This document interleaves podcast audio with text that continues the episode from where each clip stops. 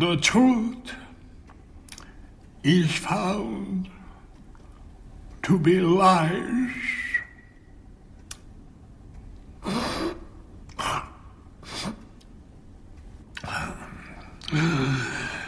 And all the hope within you dies.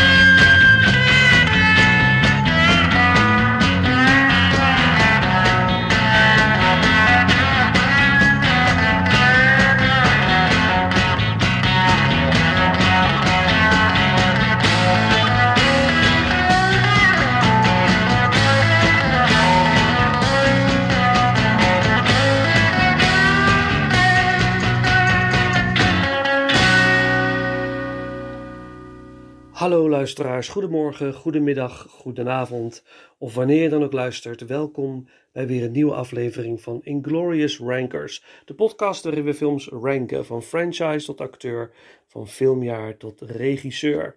Dit is de tweede aflevering van de Coen Brothers Ranking, die ik samen heb opgenomen met Ruud Vos van Duimpje Worstelen, de podcast. Voordat we naar het laatste deel van de ranking gaan luisteren, wil ik graag even stilstaan bij de reacties die we hebben ontvangen op de vraag: wat is jouw Coen Brothers ranking? Via Facebook reageert Pascal Mol, Pouet, eh, Fargo, Oh Brother Where Art Thou, No Country for Old Men, The Big Lebowski. Zomaar even vier pareltjes en dan zijn er nog genoeg toppers. Dank voor de reactie Pascal en jouw reactie laat ook zien hoe moeilijk het is om deze topfilms te ranken. Kringloopklassiekers reageert via Instagram. Hij is het niet met me eens dat ik de Big Lebowski op 8 heb geplaatst. Hij verwijst naar een post op zijn account over Lebowski. Hij schrijft eh, bij de post de film die altijd in mijn top 5 staat. Het verhaal over een hippie wiens tapijt wordt ondergepist. Een film noir gekruist met stoner comedy. De humor, het verhaal, gekke sequences, muziek, maar vooral de acteurs maken dit tot een nooit aflatend genot voor mij. De Coen Brothers in de sterkste fase van hun carrière. Jeff Bridges is fantastisch als The Dude, maar John Goodman is legendarisch als Walter. Juist vanwege de volledig doorgevoelde relaxedheid is dit er een die je kan blijven kijken. En als je het niet eh, met me eens bent, shut the fuck up, Danny. ja, mooi. Ook schrijft hij dat de Jesus Rolls van John Turturro al uit is en niet al te best is. Maar hey, dat blijft iets persoonlijks. Ik ga hem binnenkort bekijken en zien of wij van mening verschillen. Rubicon 13 reageert op de vraag uh, Brothers te ranken. Jeez, dan hou ik het op de Big Lebowski. Meesterwerk. Nou ja, goed.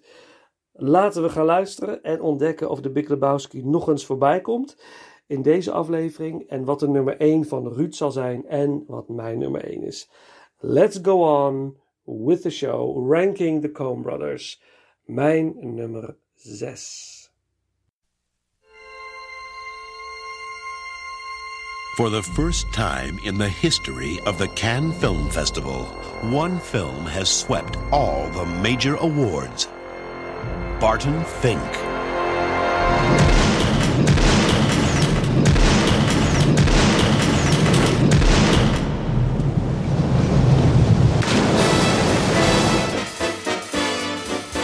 Los Angeles, Mr. Fink.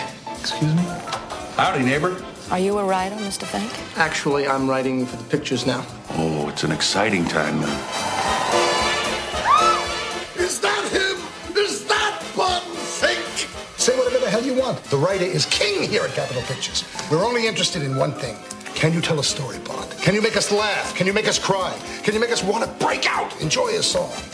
Is that more than one thing? Okay. Devil on the canvas, 12 apple, take one. Just having trouble getting started. Wallace Beery, wrestling picture. What do you need, a roadmap? We all need understanding, Barton. Oh, you'll lick this picture business, believe me. You got a head on your shoulders. And what is it they say? Where there's a head, there's hope. I'm sitting in the audience. The lights go down. Capitol logo comes up. Come on. Fink? LAPD. Got some questions we want to ask you. Sorry, I'm, I'm, I'm in trouble. Something horrible's happened. Female Caucasian, about 30 years old. Ever seen Munt with anyone fits that description? But, you know, with the head still on. Well, Barton, you might say I sell peace of mind.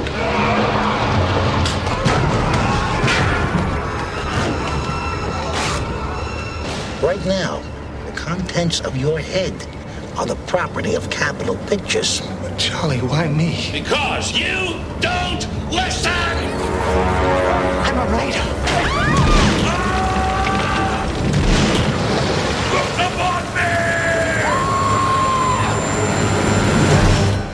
A new film by Joel and Ethan Cohen.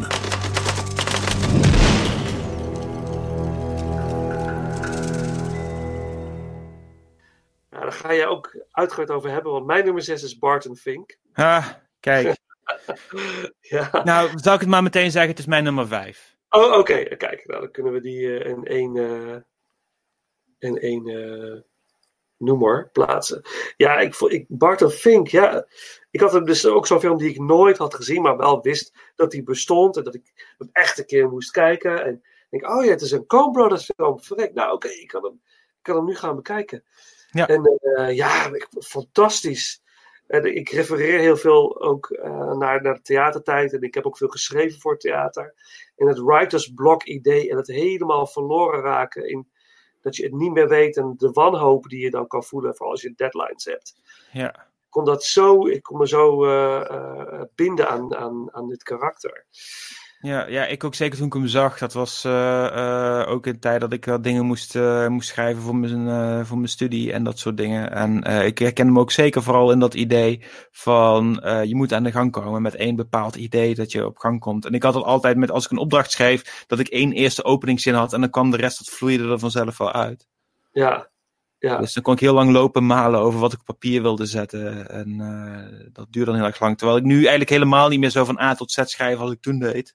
Nee? Eh, op een gegeven moment ben ik toch wat meer gaan denken van oké, wat wil ik er gewoon in zeggen? En de, die in ieder geval die zin op papier zetten en dan vervolgens de illusie van de structuur aangeven.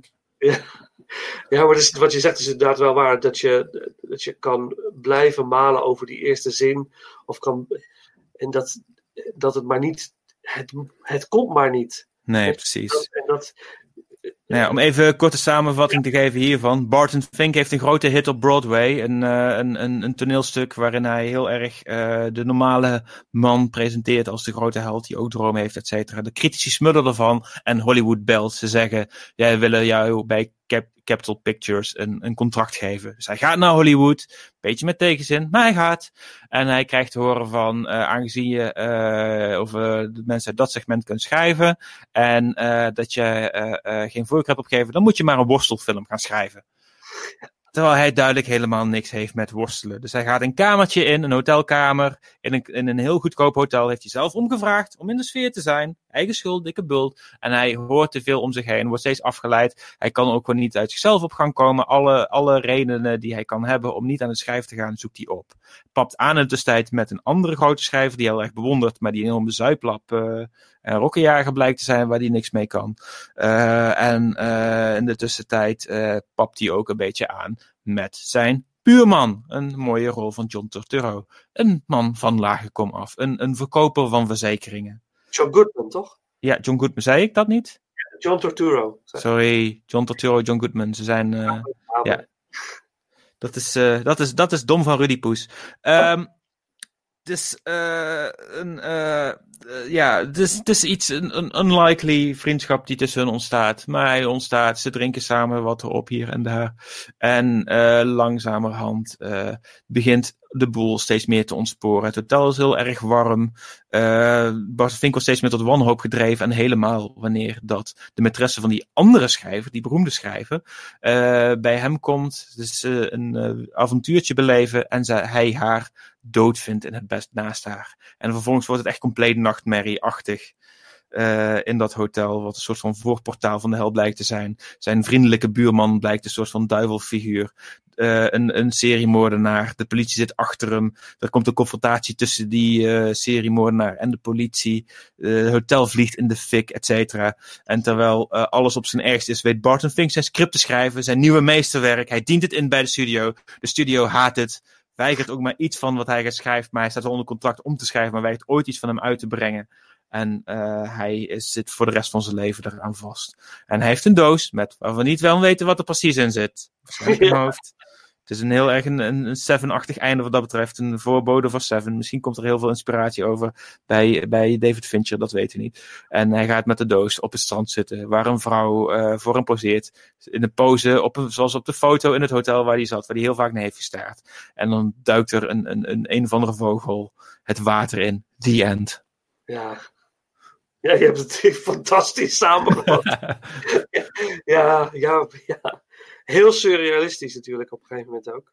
Absoluut. Dus, uh, en ook uh, volgens mij ook met veel, heel symbolisch ook met de, de, het behang wat van de muur af uh, ja. door de warmte in het hotel. En... Iets wat mij zelf niet was opgevallen, maar wat ik later las, dat gebeurt alleen maar als de buurman in zijn kamer is of vlak nadat hij weg is. Ja, oh, oké. Okay. Dat, dat wordt echt in verband gebracht met de hitte van de hel en van hem als een soort van duivel.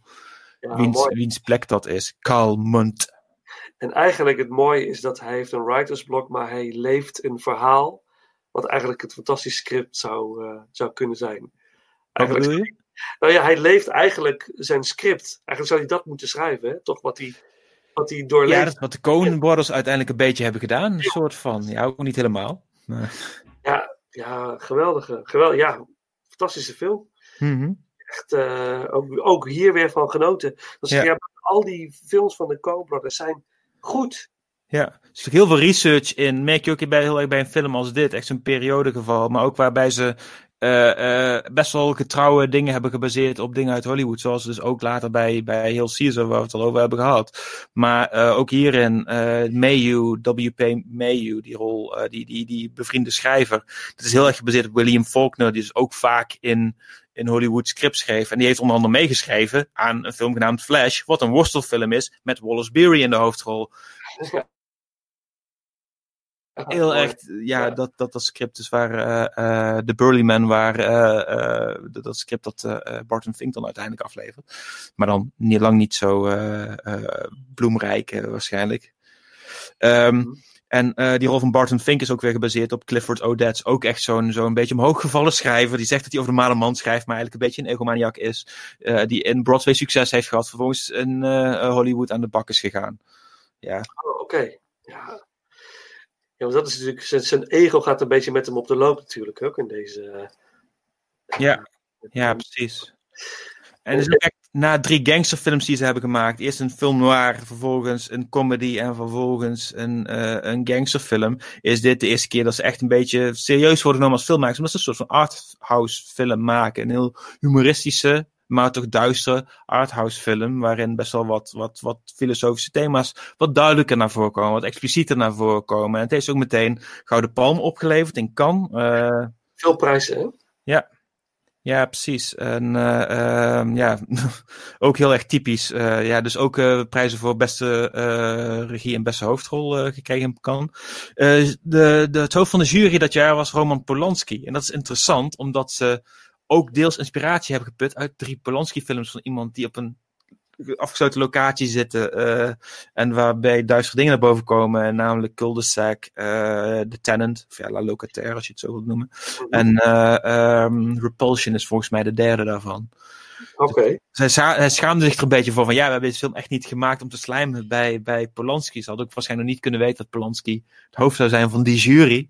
Nee, nee, tuurlijk. En dan, juist omdat het iets is wat ook heel erg dicht bij zijn weg staat, is dan een beetje zo raar van, oké, okay, dan winnen we die prijs. Oh jee.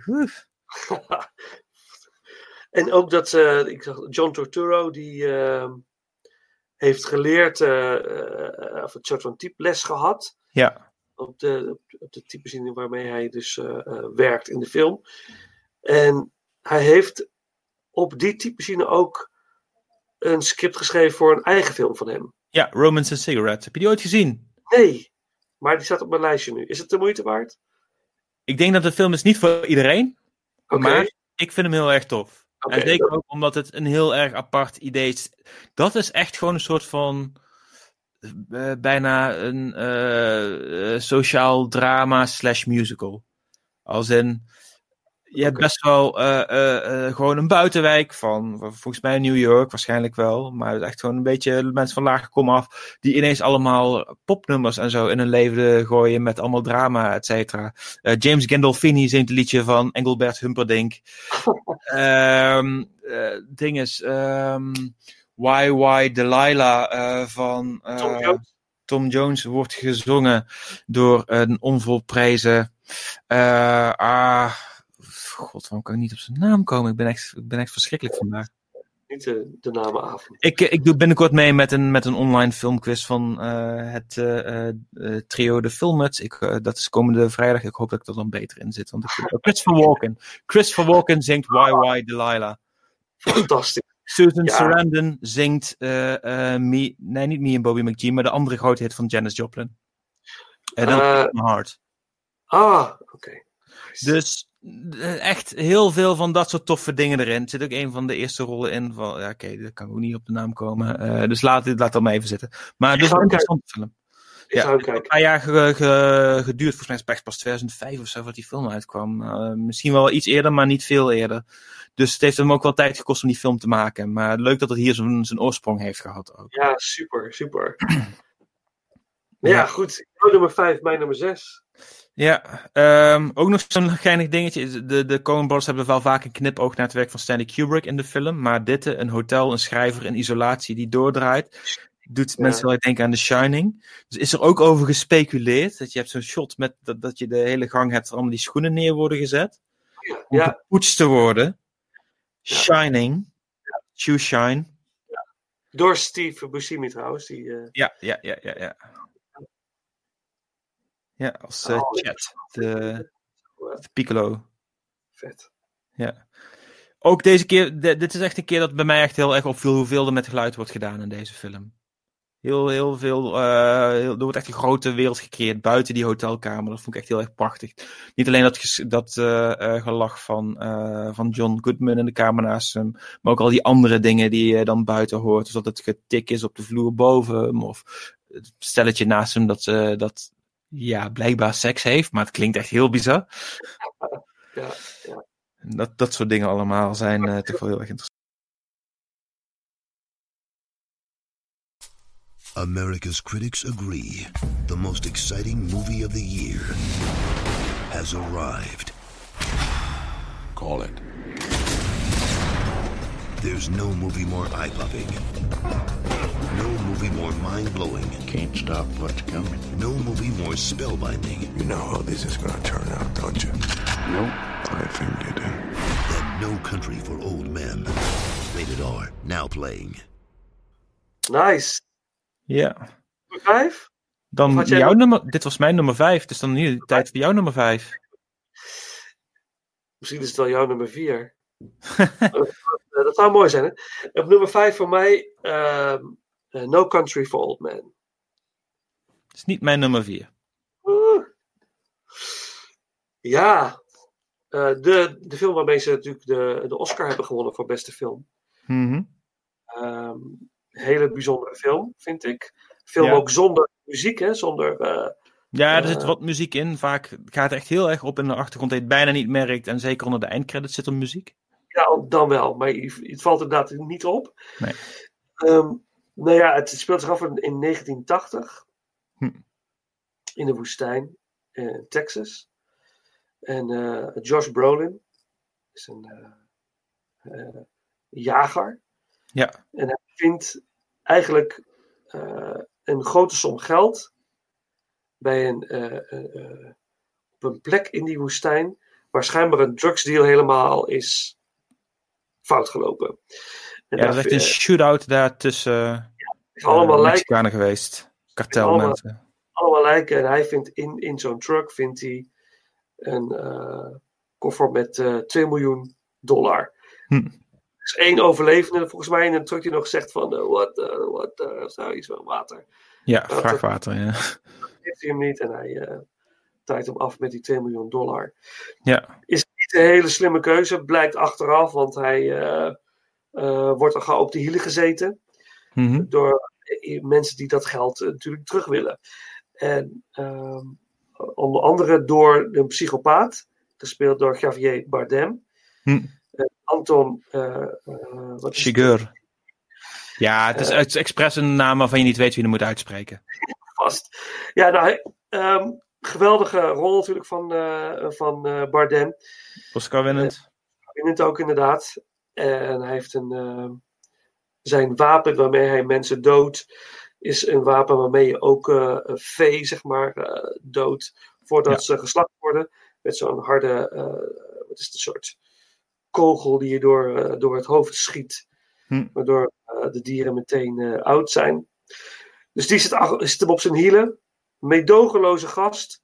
Zonder enige emotie. Echt een ware psychopaat. Zelfs ook door eh, een groep van psychiaters. eh, die eh, psychopaten in films bestudeerden. Ja. We hebben een Hij- films bestudeerd. Precies, hij is gekozen tot de, tot de beste Verbeelding. verbeelding van een psychopaat in een Ja. film. Dus dat, dat zegt ook heel wat. Ja. En, en hij zelf had gezegd van ik, ik, ik, ik haat geweld. Ja. Ik spreek niet dus ik ben eigenlijk niet geschikt voor deze rol. Maar daardoor vonden de Co-Brothers hem juist, juist geschikt om deze Ja, rol te precies. En met succes natuurlijk. Mhm. Ehm, daarnaast heb je nog eh, de verhaallijn van eh, Sheriff Ed. eh, gespeeld door Tommy Lee Jones. Die uiteindelijk eh, moet achterhalen wat daar is gebeurd bij die shootout. en, Precies. eh, maar eigenlijk, eh, eigenlijk niet zo heel veel doet. Vind ik. Eh, dus- Wat bedoel je? Nou ja, goed. eh, Hij, hij probeert het wel te achterhalen, maar het is eigenlijk een, een, een, hij is eigenlijk al klaar met wat hij doet. Ja, sheriff. ja. Hij zit is dus al heel erg gedesillusioneerd door alles. En dit is wel echt de zaak die, eh, die de, de druppels die hij maar doet overlopen. En eigenlijk het liefst houdt hij zich er niet mee bezig. Ehm, dus ja, dat is een beetje globaal eh, de, het verhaal van de film. Eh, mijn hoogtepunt in de film vind ik persoonlijk de achtervolging met de hond. Die maar achter hem aan blijft gaan en uh, Ja. unstoppable is en maar één doel heeft. En dat is Josh Brolin gewoon eh, te verscheuren. Ja, precies. De angst bij Josh Brolin en de, de, de, de- Dat is wel echt een heel erg eh, indrukwekkende sequentie, ja. En, eh, Mijn favoriete scène. het is eh, natuurlijk gebaseerd op een boek van eh, Cormac McCarthy. Ik zeg natuurlijk, maar dat, eh, dat is hem niet per se natuurlijk. Dat, eh, misschien, misschien weten mensen dat helemaal niet. Dat zou kunnen. Ook een heel goed boek. Het volgt het boek echt fantastisch goed. Ik heb het boek gelezen, ook pas na ik de film heb gezien. Eh, wat altijd wel ervoor kan zorgen dat heel erg gaat inkleuren. Maar het was alweer even geleden dat ik die film toen had gezien en zo. Maar alles kwam wel weer boven daardoor. En dan merk je wel van heel veel wat hierin zit. Dat heb je ook echt goed weten te vertalen naar, naar die film. Nice. En ook het, het camerawerk, het, het is zo verschrikkelijk mooi. De, Ja. het Ja, ik vind het al heel erg raar dat, eh, eh, dat Deakins hier niet de, de Oscar voor heeft gewonnen. Ja, hè? Ja, had ik het er ook over met een vriend van me. Die zei ook echt van ja, elk, elk stil dat jij deze film eh, zou pakken, zou je kunnen inlijsten. Omdat het zo mooi is geschoten. Absoluut. Hij is wel genomineerd, hè? Dat Ja. ik even kijken. Ja, wel genomineerd, maar niet, niet gekregen. Ja, Ja, ik weet niet meer tegen wie, wie er nog meer meededen dat, meededen dat jaar. Maar dat eh, is op zich niet zo heel erg. Maar ja, een bijzonder, eh, bijzonder mooie film. Hm. Eh, ehm, eh, Brolin vind ik geweldig. Sowieso Stan, ik vind, ik vind die een geweldige acteur, sowieso. Maar- Weet je hoe die de rol mede heeft gekregen? Van wie die hulp Ja. heeft gehad? Heb ik ergens gelezen, maar ja. Hij was. Was al aan het filmen bij Planet Terror. En toen eh, eh, was hij eigenlijk op zoek naar een camera om een auditietape te maken voor deze film. En toen heeft eh, Tarantino een auditietape voor hem gefilmd. Ja, dat was het. Ja. Dus heeft hij met een tegenspeelster uit die film heeft hij een scène gedaan en zo. En dat heeft hij opgestuurd naar de Coen Brothers. En die liet hem toen wel even meteen zo gauw mogelijk weten van... Nou, we vonden het in ieder geval heel erg mooi belicht. Oké, geweldig. nice. En wat vond jij van de film? Ja, eh, de, de Coen Brothers hebben meerdere meesterwerken gemaakt. Wat mij betreft is dit er echt één van. Ja. Ja. Ja. Ja, geweldig. Heb jij nog aanvullingen hierop? Of komt u nog terug zodat dat we dat nog een beetje als een soort secret. eh, Ik denk dat ik, daar al, dat ik daar al genoeg over heb laten doorschemeren door het net een meesterwerk te noemen. Precies. Oké, laten we dan naar ja, nummer 4 gaan. Ja. From Academy Award winners Joel and Ethan Cohen, the creators of No Country for Old Men and True Grit. What'd you say you played? Folk songs. Folk songs. Thought you said you were a musician. Hey, it's me, Lou. Yeah? Can I come up? No. My honey. Don't tell Jim. Oh! Obviously. I want you to leave. Danny, your uncle's a bad man. Okay. Inside Lewin Davis is heartfelt and utterly enthralling. A perfectly pitched masterpiece. A tour de force. The best film of the year. Do you ever think about the future at all? You mean like flying cars? Folk singer with a cat. Is that part of your act? Every time you play a C major, you puke a hairball? Inside Lewin Davis in cinemas January 24. Aardig. Oké, let's go, let's go. Nummer 4. Ehm, ja, mijn nummer vier. Dat is het onvolprezen Inside Lewin Davis. Hoppa. Ja, oké. Oh, jouw reactie de, spreekt boekdelen, denk ik. Oké. ah, mm, handenwrijf. Wat Ja. fijn. Ja, Inside Lewin Davis. ehm, het is eh, hun eh, grote eerbetoon aan de folkscene in New York begin jaren 60. Een beetje een spirituele opvolger ook op Oh Brother Where Art Thou. Er zitten ook weer elementen in van de Odyssey. En ook die hele folkmuziek die in Oh Brother Where Art Thou zat, zit hier ook weer in. Alleen dan andere scene, maar ook weer een uh, vervolg erop, maar ook juist weer oude roots uit Ierland die daarin juist heel erg uh, naar voren komen. Het verhaal is losjes gebaseerd op het levensverhaal van Dave Van Ronk, alleen dan met een heel andere persoonlijkheid dan Dave Van Ronk, die eigenlijk wel de boek stond als een goede kerel. Lewin Davis is een uh, volkszanger die het waarschijnlijk nooit zou redden. Hij wil geen commerciële keuzes maken, maar hij wil wel graag uh, fantastisch uh, muziek maken en daarin toch wel wat geld zien te verdienen. Um, ja, we zien hem op allerlei avonturen. Hoe hij uh, een uh, kat kwijtraakt van mensen bij wie hij uh, een nachtje kan overnachten. Op de kat zou moeten passen. Wie daar achteraan naar moet jagen.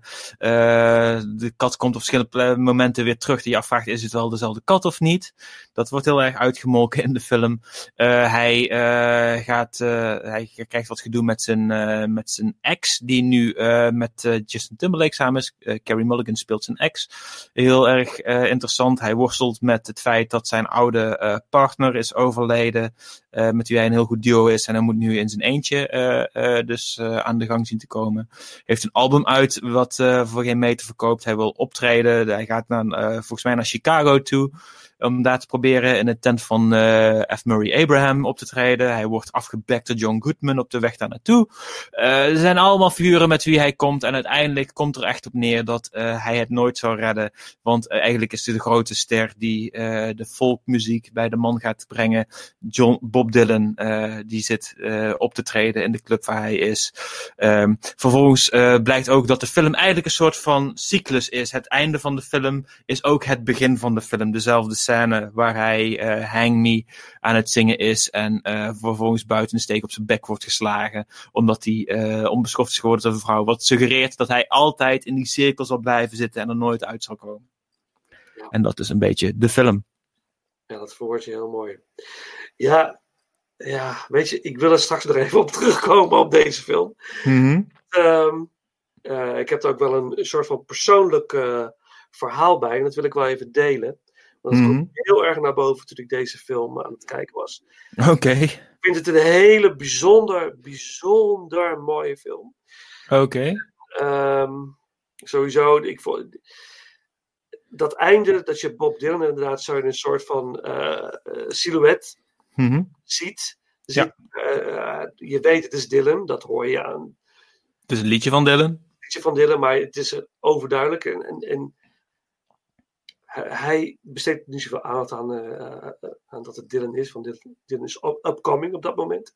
Want het speelt zich af in begin jaren 60. Ja. En ik vond het zo, ik vond het zo tragisch. Een man met zoveel talent. Ja, die ook prachtig zingt. Veel talent. En dat hij dat gewoon niet kan grijpen. Hm. Oscar Isaac is heel goed gecast. Hij uh, kon een beetje gitaar spelen, heeft het beter geleerd voor de film. Hij kon ook goed zingen. Ja. Dat is heel erg mooi. Uh, Justin Timberlake klinkt mooier dan die ooit heeft geklonken wanneer hij folkliedjes zingt. Dat is een echt een opsteker. Um, Marcus Mumford, die doet heel veel, die heeft heel veel de muziek ingezongen. Verder uh, uh, andere stemmen als bijstem. Was ook degene die dan de stem deed van de ex-partner van Lewin Davis. Die, ik, ik ben totaal geen fan van Mumford Sons. Op een of andere manier vind ik die muziek bloed en bloed en bloed saai. Maar als hij dit doet, vind ik hem fantastisch. Ik vind dat hij dit moet doen. Ja, er zit natuurlijk ook nog in met extra link is met Carrie Mulligan, die trouwens ook fantastisch mooi kan zingen. Ook hierin heel erg mooi zingt. Zij heeft ook een. Uh, heb je ooit Shame gezien? Ja, ja, ja daarin die, die versie van uh, New York, New York, maar dan heel erg tragisch en low tempo is ook heel erg mooi. Het is, uh, ja, het is, het is echt, de, wat mij betreft, de beste soundtrack van een Coen Brothers film sinds Oh Brother Where Art Thou. Uh, en misschien overtreft hij hem ook wel een beetje. Ze complementeren heel erg elkaar. Um, het is de eerste keer dat ze film hebben gemaakt waar Carter Burwell niks aan meedeed. Maar T-Bone Burnett die was vooral bezig met de soundtrack hierin. Uh, er zit ook geen originele filmmuziek in. Het is echt allemaal folkmuziek uit die tijd. Dus daar heeft het vast mee te maken. Um, en ja, echt prachtige liedjes van echte Dave Van Ronk covers. Ook heel erg in de stijl van Dave Van Ronk. Maar dan misschien wat meer met het stijltje van nu. Want het is een soundtrack, die moet ook verkopen. Is allemaal goed. Het is, ja. het is, het is, het is de muziek van toen, maar dan wel, wel mooi opgenomen. Zoals het nu kan, heel erg mooi. Um, maar ook, ook wat hele fijne... Uh, ook een andere Please Mr. Kennedy. Wat iets minder een... Uh, uh, um, hoe, hoe noem je dat ook alweer? Een novelty plaat is als deze. Dan deze. Wat minder dan deze. Eh, maar ja, goed. Er is ook een verhaal dat ehm, Oscar Isaac les kreeg. Ja. Uh, en dat zijn docent, moet ik even spieken hoor, maar, bij mijn aantekeningen.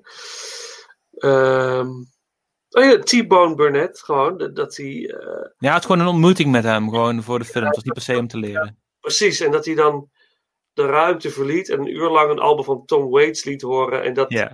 This is the first lesson. En Ja. dat Oscar Isaac dat omschreef als een real Mr. Miyagi uh, moment. Dat vond ik wel Ja, heel erg tof.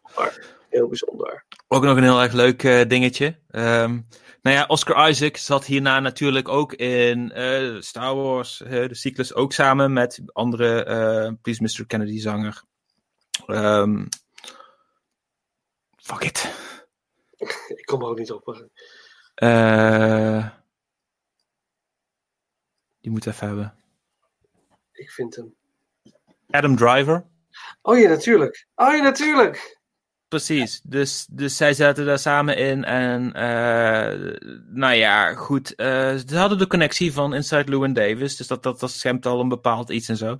Maar er is dus ook zo'n filmpje op internet en daarop speelt uh, um, Oscar Isaac een folk cover van ja, een heel erg Las Vegas Lounge nummer wat Bill Murray ooit heeft gezongen in Saturday Night Live. Dat heette Star Wars. Dat was op de melodie van de theme van Star Wars. Alleen dan gaat hij dan heel, heel flauw het plot van Star Wars zingen. Star Wars, nothing but Star Wars. En hij heeft er dan echt een hele mooie folky cover van gemaakt. Oh, en in plaats van dat hij het dan gaat zingen over episode 7, gaat hij ook... Nee, over episode 4 gaat hij wel zingen over episode 7 daar. Nice. Eigenlijk moet je hem even draaien in de podcast, eigenlijk nu. Ja, ga je. Dat ga ik doen. Ja, nice. Als je hem niet kunt vinden, ik heb Lee's Mr.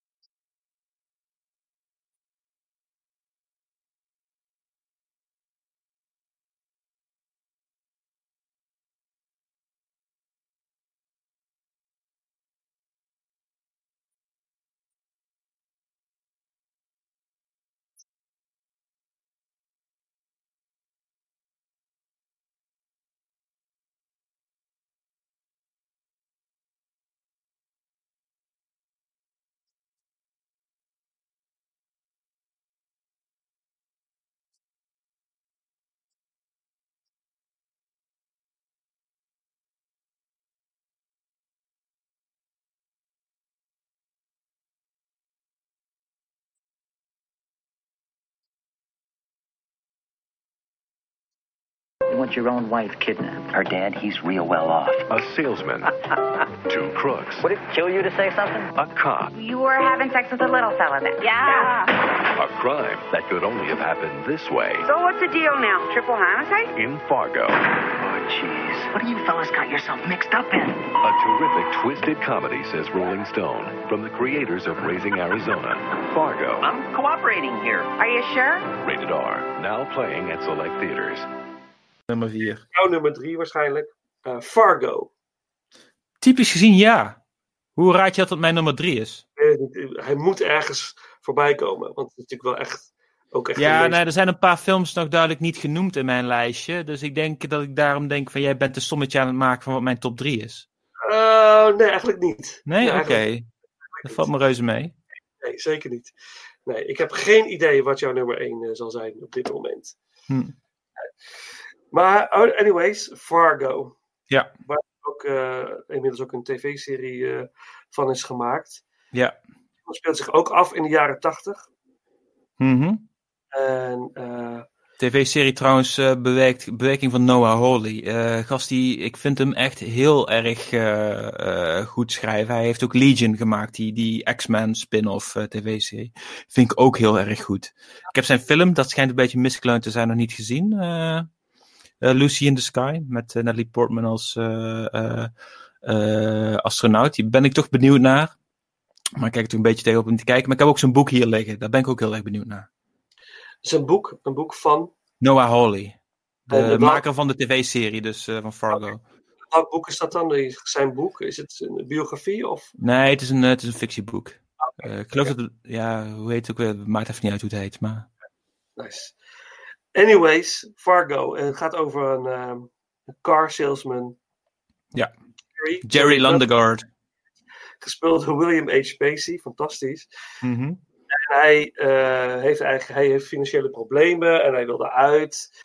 En ehm, hij wordt door een garagemedewerker, die een, een ex-gevangene, gedetineerde, eh, die werkt in een, in een garage en hij, hij koppelt Jerry aan Steve Buscemi, eh, Carl. Ja. Carl. Carl Showalter. Oh, goed dat je Carl Showalter, ja, inderdaad. En zijn partner, eh, Gary Grimsrud. Die Peter komt Storm- ook mee. Is niet de bedoeling, dat is niet de bedoeling, maar hij komt wel mee. Ja, Peter Stormare weer natuurlijk. En ehm, ze willen eigenlijk. Het plan is om de vrouw van Jerry te ontvoeren. En daar moet dan losgeld voor betaald worden. Eh, en dat losgeld moet dan betaald worden door de vader van de vrouw van, van Jerry. Ja. Ehm, hij vertelt die ontvoerders niet dat hij eigenlijk eh, nog meer geld vraagt. Ja, dus die wil die belazer ook nog. Precies, ja, om van zijn schulden eh, af te komen. Ja. En toen zet hij ook nu bij zijn schoonvader een ander plannetje lopen om te proberen een investering te krijgen. Ja, ja, want dat wil hij ook nog inderdaad. Ja. Ook nog eh, dat zijn schoonvader investeert eh 700.000 dollar Ja. in het bedrijf wat hij eh, wil gaan opzetten. Nou goed, die ontvoering die, eh, eh, ja, die gaat plaatsvinden. Die vrouw wordt daadwerkelijk ontvoerd. Ja. Eh, en de. ehm, als ik het goed even moet even goed vertellen. Nou, de twee ontvoerders die zijn eh, op weg met haar in de achterbak en dan worden ze aangehouden door een agent. En die agent, die, eh, die schieten ze neer. Ja. En eh, die laat ze aan langs de kant van de weg liggen. Of verderop in het veld wordt die gedumpt. ja. En er zijn ook nog andere getuigen, die, schiet, die maaien ze ook maar even neer. Ja, precies. Die komen voorbij gereden. En die worden achtervolgd door Ger Grimsrud. Ja. Grimsrud. En ook gedood. Nou ja, Mhm. dat natuurlijk eh, eh, onder ogen van de politie. En degene die de zaak op zich neemt is eh, Marge, gespeeld door Frances McDormand. Margie Gunderson, wat een heldin. Hij is zeven maanden zwanger. Ja, Toch gaat ze die zaak toch nog even op zich nemen. En zij gaat het hele, de hele boel ontrafelen. Dat is in het kort wat, kort wat Fargo is. Vol met hilarische karakters. Eh, geweldige rol van Frances McDormand. Echt misschien wel haar beste rol in alle films. ook een Oscar-winnende rol van haar. Oscar winnend. En Ja. ja, echt, eh, echt fantastisch. Alhoewel, Buscemi- wacht even. Dat moet je misschien uitknippen, dat weet ik even niet meer zeker. Ik dacht Oscar-winnend. Ja, ik geloof het ook. Ik ga het, eh, ze was niet echt zwanger. Nee. had wat kussens onder haar kleding met kersenpitten, geloof ik. Het was zo zwaar dat het op een gegeven moment echt leek alsof ze echt, echt zwanger was. nou ja, ze gingen sowieso echt zwanger van lopen, terwijl het niet- helemaal niet haar bedoeling was. Precies, dus dat het ging door het echt- gewicht. Maar ik had ook ergens gelezen dat ze hem op een gegeven moment ergens buiten had horen hangen, dat het pak bevroor en de volgende dag op de set ontplofte. Oh, echt? Van, eh, ja. Nou, anyways, ik, eh, Fargo is een geweldige, geweldige film met, eh, eh, met een mooie climax. Ja. Eh, ik vind eh, eh, vooral de rol van eh, Peter Stormer echt fantastisch. Mhm. Eigenlijk alsof het hem allemaal geen ene reet interesseert. ja, eindelijk kon hij samenwerken met hun, want hij was eigenlijk al gepolst om in eh Miller's Crossing te acteren. Ze hadden een rol voor hem geschreven. De Deen was eigenlijk niet de Deen, maar de Swede. Hij is Zweeds. Aha, aha. Alleen dat is naderhand dus naar de Deen eh, gedaan. Maar ze, hij was toen nog te druk met Hamlet spelen op Broadway. Dus hij had zoiets van: nee, dat moet ik afmaken. Ik kan nu niet. Dus hij was heel blij toen ze hem hier alsnog voor vroegen. En toen kreeg hij een rol waarin hij eigenlijk maar heel weinig kan praten. Toch onvergetelijk. ja, ja, ja. Vooral ook hoe hij alles in die. ehm, in die eh, eh, hoe noem je zo'n apparaat waar je takken in vermaalt? Wat hij daar die. eh Ja, shredder. lichaam, shredder, die, die, die lichaam in die shredder gooit. Ja, maar ook, ja, dat is ook zo'n dingetje. Ik had het net over al hoe weinig hij te, te zeggen heeft. Een van de dingen die hij wel moet zeggen is van Where's Pancake's House? Dat is een heel rare zin. En hij dacht ook dat het een foutje was in het script. Dus hij vroeg de eerste keer dat hij dat moest doen. Zo van, eh, where's the pancake house? En toen eh, zei Joel, wacht even, wat vroeg je nu? Nee, nee, nee, nee. Er staat pancake house. Wij, wij hebben geen typo's in ons script. Doe maar gewoon zo goed. Resultaat daarvan is ook dat er een soort van legende is, is ontstaan van dat ze alles, dat ze er heel erg eh, nauw op zitten, dat er helemaal geen ruimte is voor improvisatie in hun eh, films. Dat komt ook een beetje doordat eh, William H. Macy als Jerry Lundegaard echt alle manieren van spreken, al het gestotter en zo precies zo wilde doen, letterlijk zoals het in het script stond.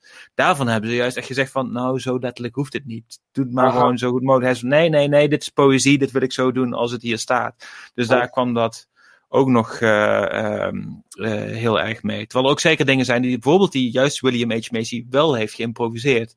Of ja, geïmproviseerd. Het was zijn idee bijvoorbeeld om eh, wanneer hij Wade, zijn, zijn, zijn, stief, zijn, ja, zijn, zijn schoonvader opbelt, dat hij dan eerst eventjes staat te oefenen en, voordat hij echt gaat bellen. Ja, ja, ja. En hij wilde ook graag die rol spelen, hè? Wat Ja, dat heel graag. hij ook inderdaad ehm, de, de brothers wilde overtuigen van het feit dat hij- die rol moest krijgen. Ja.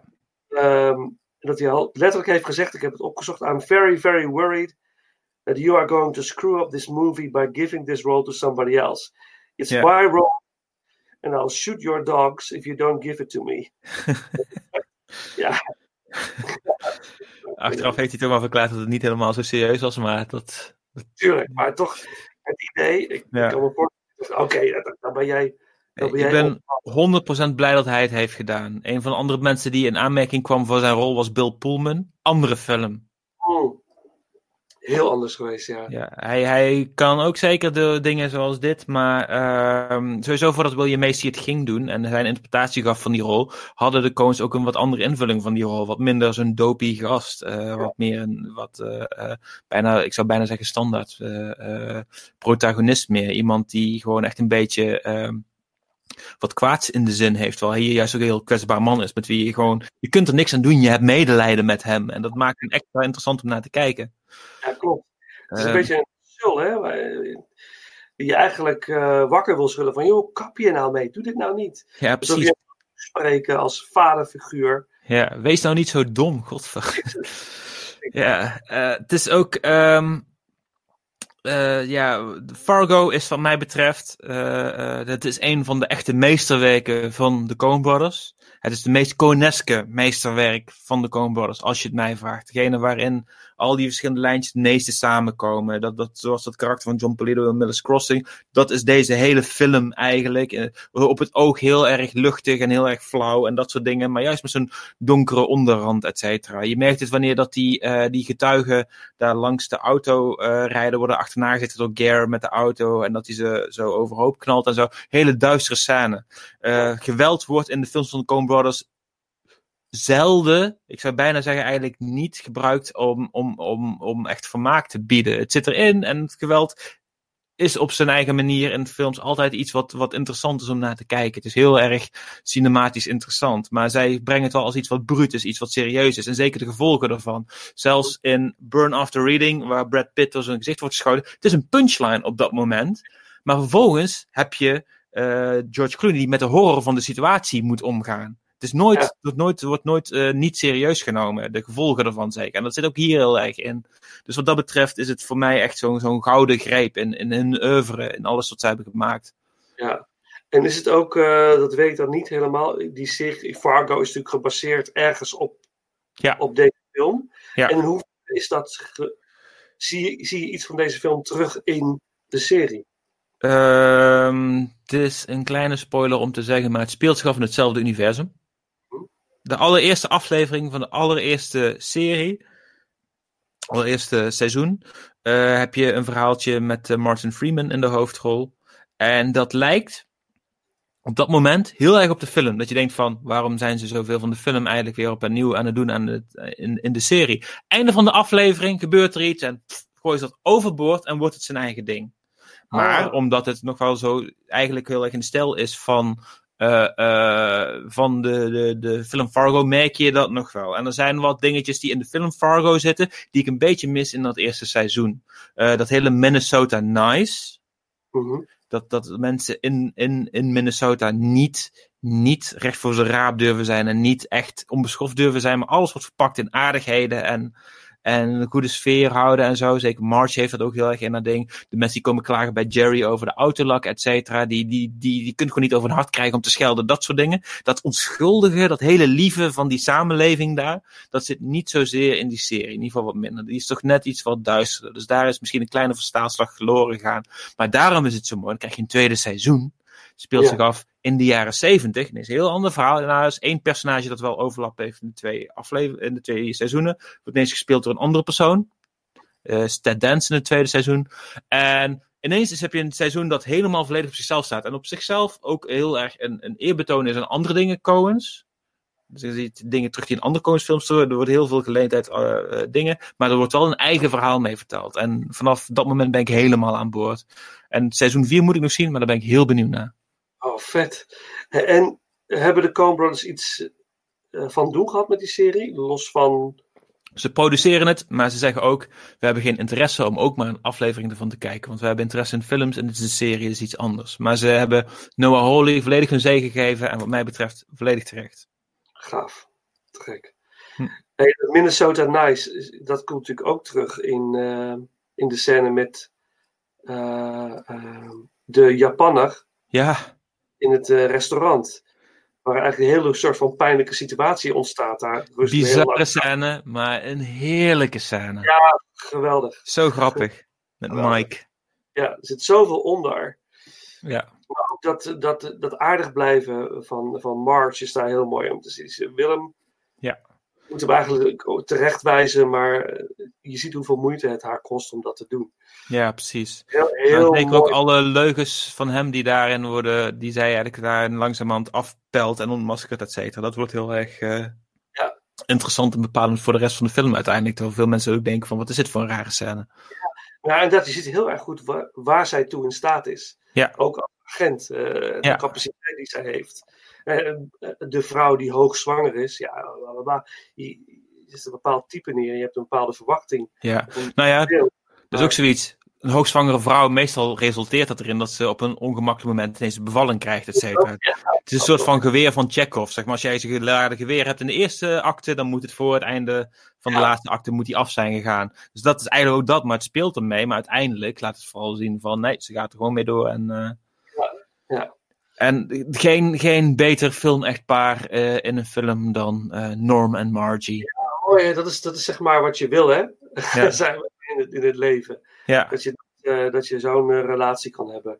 Ja, heel, heel bijzonder. Ja, dat dat was zo- opstaat voor haar, dan de Ja. eitjes gaat. En dat Precies. heel, ja, prachtig. Nou ja, je hebt de AV Club, de website. Daar worden vaak eh, eh, acteurs eh, geïnterviewd. Dat heet Random Roles. Dan gaan ze door hun acteercarrière, hun cv heen. En dan pakken ze random wat rollen eruit, gaan ze over hebben. Dan zal ze ook John Carroll Lynch, die dus Norm speelt. De eerste film waarbij hij dus ook, en de eerste rol waarmee hij een beetje in, bij, bij iedereen binnenkwam en zo. En heel erg fijn dat hij dat is gedaan, want hij heeft sindsdien zoveel prachtige rollen gespeeld. Hij heeft ook een film geregisseerd. Eh, ook heel erg mooi. Lucky, kan ik heel erg aanraden. Prachtig. Maar in dat interview bij V-Club beschrijft hij ook hoe dat. ehm, hij had van eh, Joel samen met McDormand opdracht gekregen om een beetje een backstory te verzinnen voor hun als echtpaar. Zodat ze daar wat meer invulling aan konden geven. En toen hadden ze een beetje besloten van, weet je, Norm die was vroeger ook een politieagent. Hij is eruit gestapt omdat eh, eh, ze een gezin wilde bouwen. En eh Marge's carrière die eh, eh, is veel beter gegaan. Dus hij heeft besloten om eruit te stappen en eh, te gaan, eh, te gaan eh, schilderen in plaats daarvan. Dus op een gegeven moment op basis daarvan, tijdens bepaalde scène, dat eh Marge een overleg heeft met de politieagent en hij dus ook in de kamer zit, zit heel erg mee te luisteren. Van hij zo van, eh, dat, of dat hij misschien ook wat kan bijdragen aan die zaak.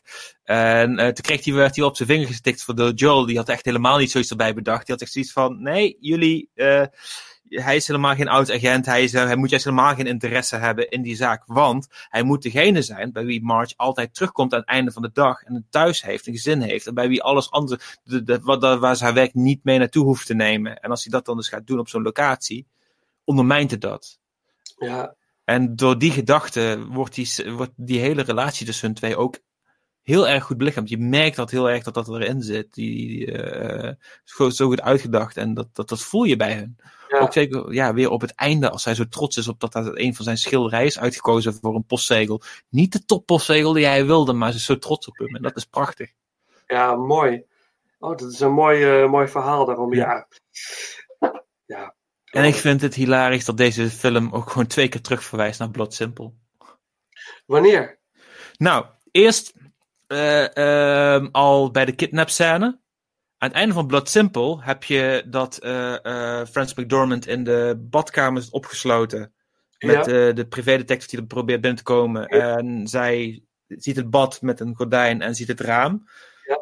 En ziet de gordijnen van het bad dicht, maar klimt het raam uit naar de kamer daarnaast. Hierin is het andersom. Gary Grimsworth loopt de badkamer in als die vrouw van eh, Jerry daarin in zit die hij moet gaan kidnappen. Dat is waar. En hij ziet eh, het raam openstaan en denkt van, oh, dus ze is weg. En vervolgens komt ze ah, als een gek do- door de, bad, door de douchegordijn. gerend. Ja, dat is waar. Oh. En de andere is ehm, eh, als ze op de weg staan en de politie hebben ze net vermoord. eh, ze zijn het lijk aan het weg eh, eh, aan het dumpen en zo. Dat er iets langskomt, ja, dat er getuigen langskomen. In eh Blood Simple weet, weet de hoofdpersoon het lijk van zijn baas. Of ja, is eigenlijk dus niet het lijk, maar nog levende lichaam. Weet hij dus te verbergen. En ja, er is niks aan de hand. In Fargo zien ze het wel. En dus gaat Gary erachteraan en vermoordt hij die lui. Ja, ah, ja, ja, ja. Twee keer spelen met je eigen werk, maar er toch een andere draai aangeven. Leuk. Ja. Is opgevallen, maar super tof. Ja. Is het niet een, vrachtwagen in Blood Simple? Of was het een Ja, persoon? dat is een vrachtwagen die dan Ja. dan, Ja. Jouw nummer drie is ook Fargo. Ja. Dus, Eh, eh, ook nog één dingetje. Tom Hanks heeft eh, over Fargo gezegd in de, CNN-programma The Movies dat het volgens hem echt een perfecte film is op elk niveau. En ik, ik wil Tom Hanks een hele grote kus geven voor het maken van die opmerking. cool, cool. Oh ja, nog iets grappigs om te vermelden. Sorry. Ja, nee, kom maar. Er is ook een film, Kumiko the Treasure Hunter. Het gaat over een Japans meisje die Fargo, de film, ziet. Denkt, oh, het is gebaseerd op echte gebeurtenissen wat ze ziet aan het begin van de film. Wat een leugen is. En denkt van, oh, ik ga dat geld zoeken. Oh, echt? En dus hij reist naar Minnesota om zoek te gaan naar die schat. Serieus? Ja, er is een film over gemaakt. Hoe heet die film? Nog een keer? Kumiko the Treasure Hunter. Heb je gezien? Hebben we hem niet gezien? Ik wil hem zien. Ik wil hem heel graag zien. Noteren. Hm. Het is de moeite waard. Ja. Oh, wat leuk. En ook deze film, wat ik ook eh vond, is dat die film is opgenomen in de winter van 1995. Ja. En dat het eigenlijk een hele warme winter was. Ja, ja precies. Dus, er lag nergens sneeuw, dus ze hebben allemaal nepsneeuw moeten strooien. Ja. En dat de rol van Steve Buscemi echt voor hem eh, geschreven was. Ja. Dat vind ik ook, ook cool. Ja, maar de meeste rollen in de film waren geschreven voor de personen die hem uiteindelijk spelen. Dat is ook bij Burn After Reading zo Ja, mij. ja, ja. De Coens hadden, zaten hier echt voor op zijn niveau dat iedereen wel met ze wilde samenwerken. En Dat, Ja. eh, ja. Nice. Oké, nummer drie. Voor jou nummer drie eh, Fargo. Voor mij nummer drie hebben we ook al uitgebreid besproken. Is Miller's Crossing. ja. Voor mij eh, mijn nummer drie. Maar daar is ook al eigenlijk alles over gezegd. Ja, ik heb niet veel eh, aanvullingen op wat jij al eerder hebt eh, genoemd. Nee, ja, ik kan even kijken, want dan heb ik nog iets wat ik zelf niet heb genoemd. Maar dat is flauw, maar het kan. Maar het ligt hier niet eens meer. Ja, Ik zie hier bijvoorbeeld een, een Willem Dafoe was mogelijk een Tom Reagan geweest. Oh ja, ze hadden echt een hele waslijst aan mensen die ervoor in aanmerking kwamen. Maar volgens mij is die perfect gecast zoals die is. Dus Ja, eh, ik ook zeker een eh, goede ja. Ah, En ook, eh, ja, voor eh Verna ze ook verschillende mensen. Julia Roberts, Demi Moore, Jennifer Jason Lee, die hierna dus wel in eh, de, de Hudsucker Proxy zat. Ja, ja, ja, ja. ja. Nou ja, goed, ik heb toch gezegd, ja, een, een van mijn favorieten, Miller's Crossing. En, eh, een film die ik nog heel vaak ga kijken, dat weet ik zeker. Ja, super.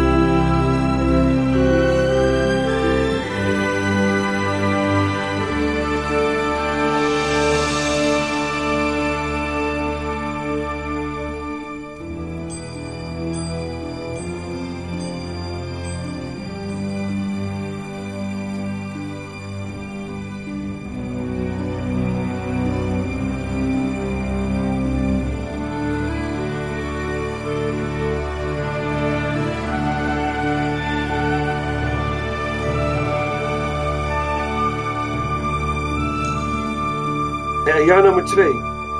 Mijn nummer twee, die heb jij al genoemd. No Country for Old Men. Heb je nog aanvullingen? Dingen die Ik heb zeker nog wel wat aanvullingen. Ik heb me een beetje ingehouden daar straks. eh, om niet al meteen eh, al mijn kruid te verschieten. Want eh, ja, ik vind het sowieso heel erg grappig dat terwijl deze film werd geschoten, vlakbij werd There Will Be Blood geschoten. Het eh, andere meesterwerk van eh, Paul Thomas Anderson. Eh, zelfde jaar uitgekomen, zelfde jaar bij de Oscars binnengehaald. Terwijl dat eh ehm, dinges, Bardem zijn Oscar nog stond te poetsen, voor, die net had gewonnen voor deze film, won Daniel Day-Lewis voor zijn andere, voor die andere mooie, grote, bizarre schurkenrol van dat jaar. Eh, Daniel Plainview. Hilarische rol is dat. Ehm, maar er, zit- er, er is nog zo, ja, zo, invloedrijke film ook. Er is ook een grote inspiratie geweest voor de tv-serie Barry, een serie op HBO. Ik weet niet of je die kent. Nee. Eh, geschreven en de hoofdrol wordt gespeeld door Bill Hader. Mhm. Eh, ken je Bill Hader? Komisch acteur. Nou, hij speelt hierin een huurmoordenaar die een klus heeft. En eh, om dicht bij zijn eh, doelwit te komen, schrijft hij zich in voor acteerlessen. En dat vindt hij zo leuk dat hij ermee doorgaat. Dat is een samenvatting daarvan. Maar de stijl van Barry is heel erg geïnspireerd door No Country for Old Men. En wat ook leuk is, Steven Root zit daarin. Is inmiddels ook genomineerd voor een Emmy voor zijn rol daarin. Eh, connectie met No Country for Old Men, waarin hij ook speelt. Hij is de man die de opdracht geeft aan, aan Woody Harrelson. om achter dat geld aan te gaan jagen. Dus dat is alvast heel erg leuk. Eh, ja, wat, wat valt er nog meer allemaal over te zeggen, zeg? Ja, dat, Roadhouse, wat zei je? Ook een gaaf, eh, gaaf karakter. Ja, en hij is zo snel weer weg. En eh, het- is, je mist hem meteen, maar dat maakt zijn rol ook zo goed. Dat, mensen zeggen wel soort van, ja, ik had zo graag meer willen zien van dat en dan dat. En denk van, nou ja, als je meer had willen zien, dan was hij blijkbaar goed. Dus geniet daarvan. Precies. Ja, ehm, Caleb Landry Jones. Leuke jonge acteur, zit in veel verschillende mooie dingen, waaronder Three Billboards Outside Eb- Ebbing, Missouri. Zit ook in deze film. Hij is een van die twee jongetjes, helemaal aan het einde, nadat eh Javier Bardem, eh, de- als hij als die zijn arm heeft gebroken, als hij ja, dus overreden is door een auto. Ook zo'n mooi onverwacht moment in de film. Precies. Hij is een van die twee jongetjes van wie die probeert een t-shirt te kopen. De jongen die zijn t-shirt mag houden, maar die wel graag geld wil hebben, dat is Caleb Landry Jones. Heel fijn om dat eh, zo te weten. Ik vind het heel erg tof dat je hier eh, drie hoofdrollen hebt in de film die elkaar nooit in beeld zien. Ja, dat nooit samen. Je hebt wel dat Bardem en eh Moss die hebben een, een achtervolgingsscène, dus het, maar je ziet ze nooit in één shot samen. Nee, klopt. Dus dat, dat, dat is echt zo'n heel erg cool ding hier aan. Ehm, ja, oh ja. Javier Bardem, die zag het kapsel dat hij moest hebben voor deze film. Dat hadden de Coens ook echt eh, gebaseerd op een foto uit, volgens mij een beetje dat tijdsbeeld rond de jaren, ja, nee, jaren 80, eind jaren 70, begin jaren 80, van een eh, sex offender. En hij zei daarna van, oh no, now I won't get laid for the next two months. Waardoor de Coens eh, meteen elkaar een high five gaven van, ja, blijkbaar hebben ze de goede, echt een beetje creepy ding gekozen hiervoor. Nice. Echt zo goed. Ehm, ja, het is eh, eh, een, prachtfilm. Het, het, het einde waarbij eh, Llewellyn Moss off, offscreen zijn ondergang vindt. Veel mensen vinden dat verschrikkelijk. Vooral omdat ze de eerste keer er echt heel erg door zijn verrast en zo. Ik vind dat eh, eh, zeker in hindsight. Ja, ik was de eerste keer ook heel erg verwacht daardoor. Maar in hindsight vind ik dat wel weer een heel erg interessante keuze. Omdat het heel erg past bij, bij Sheriff Bell. Bij dat karakter van eh, Tommy Lee Jones. En hoe hij steeds maar achter de feiten aanloopt. En gewoon niks kan doen tegen deze natuurkracht die overal doorheen woest. En eh, ik vind hem echt gewoon de, een van de beste filmschurken die ooit is gemaakt, wat dat betreft. Een heel mysterieus figuur. Eh, dat, diezelfde tijd heb je ook eh, de Joker, ook echt zo'n figuur waarvan jij bijna niets weet, maar die, waar, voor wie je bang wordt. Bijna, bijna alsof dat uit een horrorfilm is gelift en hierin is neergezet. En dat vind ik echt heel erg tof. Als je de, de daadwerkelijke motivatie van, van een schurk niet weet, wordt hij echt heel creepy. Ja, ja, dat kan. dan wordt hij onvoorspelbaar en dan echt levensgevaarlijk. Soort van. Ja. Ja, dit is eh, eh, het eh, duistere meesterwerk van, van de Coens, wat mij betreft. Nice. Jouw nummer twee. twee is Inside Llewyn Davis. Ah, daar is hij. Nummer 2 en 1 was echt een eh, strijd. Ik heb vanmiddag eigenlijk pas besloten: oké, dit wordt 2, dit wordt 1. Mhm. Inside Llewyn Davis, ja, ik was echt helemaal onder de indruk, tot tranen toe. Eh, De film heeft me enorm ontroerd. Maar ook, ik, ik heb eh, een creatief eh, beroep gehad. Ik heb, eh, ben theatermaker, regisseur, acteur geweest. Ja, dus het was En- de pijn die ik daar straks voelde. Ik Ja, dacht van, dit is de ja. film die jou niet beviel, waar jij niks mee kon. Dus ik dacht van, oh, dat, dat, dat wordt interessant. Maar ik dacht van, ik ga niet vissen, want ik ben benieuwd hoe dit terug gaat komen. Nee, het is, het is inderdaad de pijn die ik erg voelde. Want ik ben op een gegeven moment ergens. Eh, eh, eh, is mijn relatie is, eh, verbroken. Had ik ook kindjes bij die dame. En toen ben ik eigenlijk in een soort. staat van zijn terechtgeraakt. Dat ik echt. Ik wist niet meer wat ik met mijn leven aan moest. Ja, En ik had geen huis meer, geen geld meer. Het theaterwerk viel weg. ja. Alles viel weg. Het was, en ik sliep van bank op, naar bank bij vrienden. Wauw, dat is wel echt eh, heel herkenbaar, ja. Straat. En ik, mijn werk, dat ging allemaal niet meer. Creatieve flow was weg. Ik wilde wel ergens, maar... En liet je de kat ontsnappen van een logeeradres. Nou ja, er waren wel katten. eh, uiteindelijk bij een logeeradres was er een hele leuke kat. Ja. Waar ik veel aan had. Eh, maar dat, dat kwam heel erg terug. Dus ik denk, jeetje, de, de wanhoop Ja. van deze man. En de kou die hij ervaarde. De, de kou van buiten. En het niet... eh, eh, het comfortabele niet hebben. De basis ben je kwijt. Ja. De basis van waaruit je leeft. Ja. Maar ook de basis van waaruit hij werkt. Zijn basis was, was ook de samenwerking met zijn partner. Hè, die eh, zelfmoord pleegt. Alles van deze man was weg. Ja, En precies. hij raakte een soort van verbitterd daardoor. Eh, en eh, zag niet meer de kansen die op zijn weg lagen. Hij had kansen genoeg. Er waren kansen.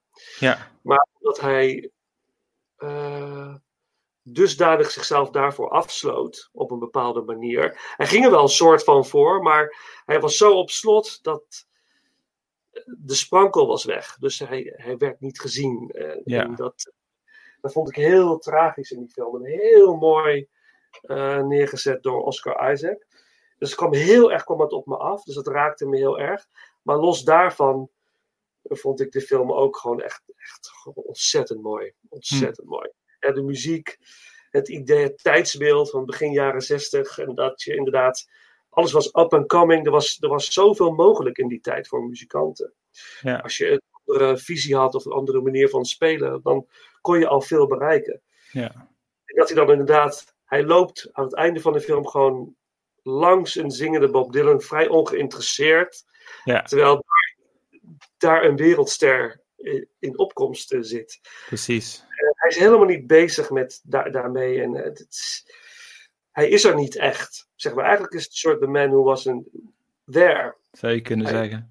Ik vind het interessant dat je zo heel erg eh, identificeert met die hoofdpersoon. Ik snap ook zeker waarom. Hij wordt ook zeker op een bepaalde manier kwetsbaar neergezet. Maar hij wordt ook zeker niet per se neergezet als een heel erg amabel persoon. Hij is chagrijnig en Ja, hij klopt, heeft klopt. geen respect voor andere mensen op wat voor manier dan ook. Maar dat komt volgens mij doordat hij afgesloten is. Ja, Dat hij zich niet kan identificeren met iets of iemand en niet kan meevoelen met iemand. Zijn, empathie is weg. ja, Hij is zichzelf helemaal verloren. En het, het heel tragisch is dat hij zichzelf ook niet terugvindt. ja, En wat je mooi zei net, is dat hij in een soort loop zit. ja, de cyclus. Dus waar die, hij, komt er niet uit. En dat moet je doorbreken. De mij is dat uiteindelijk wel gelukt, gelukkig. Maar dat, het gevaar dat je daarin belandt is heel groot als je in zo'n situatie zit. Ja, En eh, ja, ik vond dat eh, heel, heel, heel mooi kwam dat op, eh, op mij over.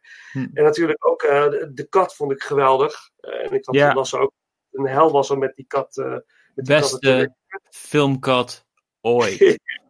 Ja, echt ja, briljant. Dat shot als die kat achter in de auto zit en naar buiten wil. oh. Zo goed. Ja, Ja, ja. heel, mooi. Maar hij voelt wel een bepaalde verantwoordelijkheid voor deze Ja. kat. dat is zeker Dus- waar. Dat, dat zegt wel iets over hem. Er zit iets in hem wat toch. Dat, hij draagt het toch bij zich. Maar, Mhm. En die kat is zo puur. Die geeft ook geen respons of zo. Die, die doet gewoon. En hij moet wel. hij moet wel reageren. Ja, precies. Want hij moet achter die kat aan. En voor de rest wordt alles voor hem geregeld. Hij kan overal slapen. Hij, niemand die tegen hem, op een gegeven moment wel, maar Ja. niemand die tegen hem zegt van nee, eh, je moet het echt nu zelf gaan doen. Maar hij verprast wel de boel bij zijn grootste fans. eh, en hij eh, heeft een ex met wie hij eh, zeker heel erg vaak sores heeft. Die ook niet op hem zitten wachten en dat soort dingen. Er zijn wel echt veel dingen. Hij En toen altijd- zijn vader. Hij mag altijd wel naar binnen. Ja, dat is waar. Ook al beledigt hij de, de, die, die dame aan tafel zo erg. Ja, Hij, toch wordt hij weer met open armen ontvangen. ja dat is waar. Dus dat, eh, dat vond, ik heel kenmerkend. Ja, mooie, mooie film. Ja, alles is er, we hebben er heel veel over eh, gezegd al. Ehm, Ja, de, de Coens die hadden wel die kat er echt ingeschreven, omdat ze zagen van er zit eigenlijk heel erg wei- weinig lijn, heel erg weinig lijn in deze film. Dus dan hebben ze die kat er maar bij verzonnen. ja, nou ja, goeie- goed. Ja, wat dat betreft is het ook wel een beetje een opvolger van de Hoed in eh Miller's Crossing, zou ik zeggen. De Hoed komt ook heel vaak terug als een soort van thema, loopt dat wel door de film heen. Dat hij Hoed bij andere mensen heeft laten liggen en dat hij bijna verliest. en Zo. De Hoed komt continu wel weer op een bepaalde manier terug. En dat is nu de kat geworden. Ja, mooi. mooi. Hm. Eh, ja, en helder met die katten werken. Impossible to train. Ja, En, eh, maar ja, ja, was verschrikkelijk. Ze hebben echt een hekel aan katten gekregen hierdoor. Het zal best. Ja, het zijn natuurlijk ook, eh, ik heb zelf katten, maar het zijn natuurlijk verschrikkelijke beesten Ja. eigenlijk als je erover nadenkt. Ja, en ook heel mooi vond ik, eh, dat las ik ook, eh, het viel me ook heel erg op in de film, dat het vroeger een van mijn favoriete films was als kind. Dat je de, de, de post van The Incredible Journey ziet in de, Oh in de ja, inderdaad. Ewan Davis doormaakt, die Incredible Journey. eh, en Ja, kom je ooit thuis, hè? Kom je Ja. door thuis bij jezelf. Ja, ook een beetje een mooie knipoog naar, ook een beetje, eh ehm Brother Waatau. Is dat die kat? Die heet Ulysses. Oh ja, natuurlijk. Ja, kijk. Oh, dat valt jou Odysseus. Dat is ook een eh, knipoog naar de Odyssee. Ja, het is mijn eh, nummer twee, bijna nummer één. Het was echt een, een dingetje, maar Ja. het is nummer twee. Ja, oké. Ja, dat... Hang me, oh hang me. I'll be dead and gone. Hang me, oh hang me. I'll be dead and gone. I wouldn't mind the hanging, the grave so long, poor boy, been all around this world. I've been all around Cape Girardeau, parts of Arkansas. All around Cape Girardeau, parts of Arkansas. Got so goddamn hungry, I could hide behind a straw. Poor boy, been all around this world. Went up on the mountain, there I made my stand. Went up on the mountain, there I made my stand. Rifle on my shoulder, and a dagger in my hand. Poor boy, I've been all around this world. So hang me, oh hang me. I'll be dead and gone. Hang me, oh hang me. Be gone. I wouldn't mind the hanging, but the laying in the grave so long, poor boy, been all around this world. Put the rope around my neck, they hung me up so high. Put the rope around my neck and hung so high. The last words I heard her say, Won't be long now for you die, poor boy. I've been all around this world. So hang me, oh, hang me. I'll be dead and gone. Hang me, oh, hang and I'll be dead and gone. I wouldn't mind the hanging, but the laying in the grave so oh, long, poor boy, been all around this world.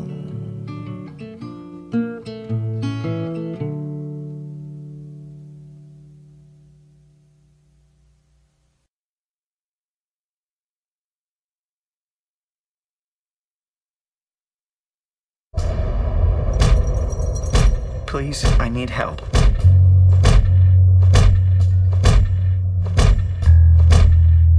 I've had marital problems.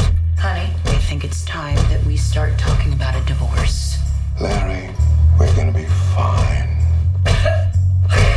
Professional, you name it. Larry, we've received a number of letters denigrating you and uh, urging us not to grant you tenure. I need help. We're gonna be fine. I've tried to be a serious man. We're gonna be fine. Tried to do right, be a member of the community. We're gonna be fine. Please, just tell him I need help. Please. We're gonna be fine. I need help.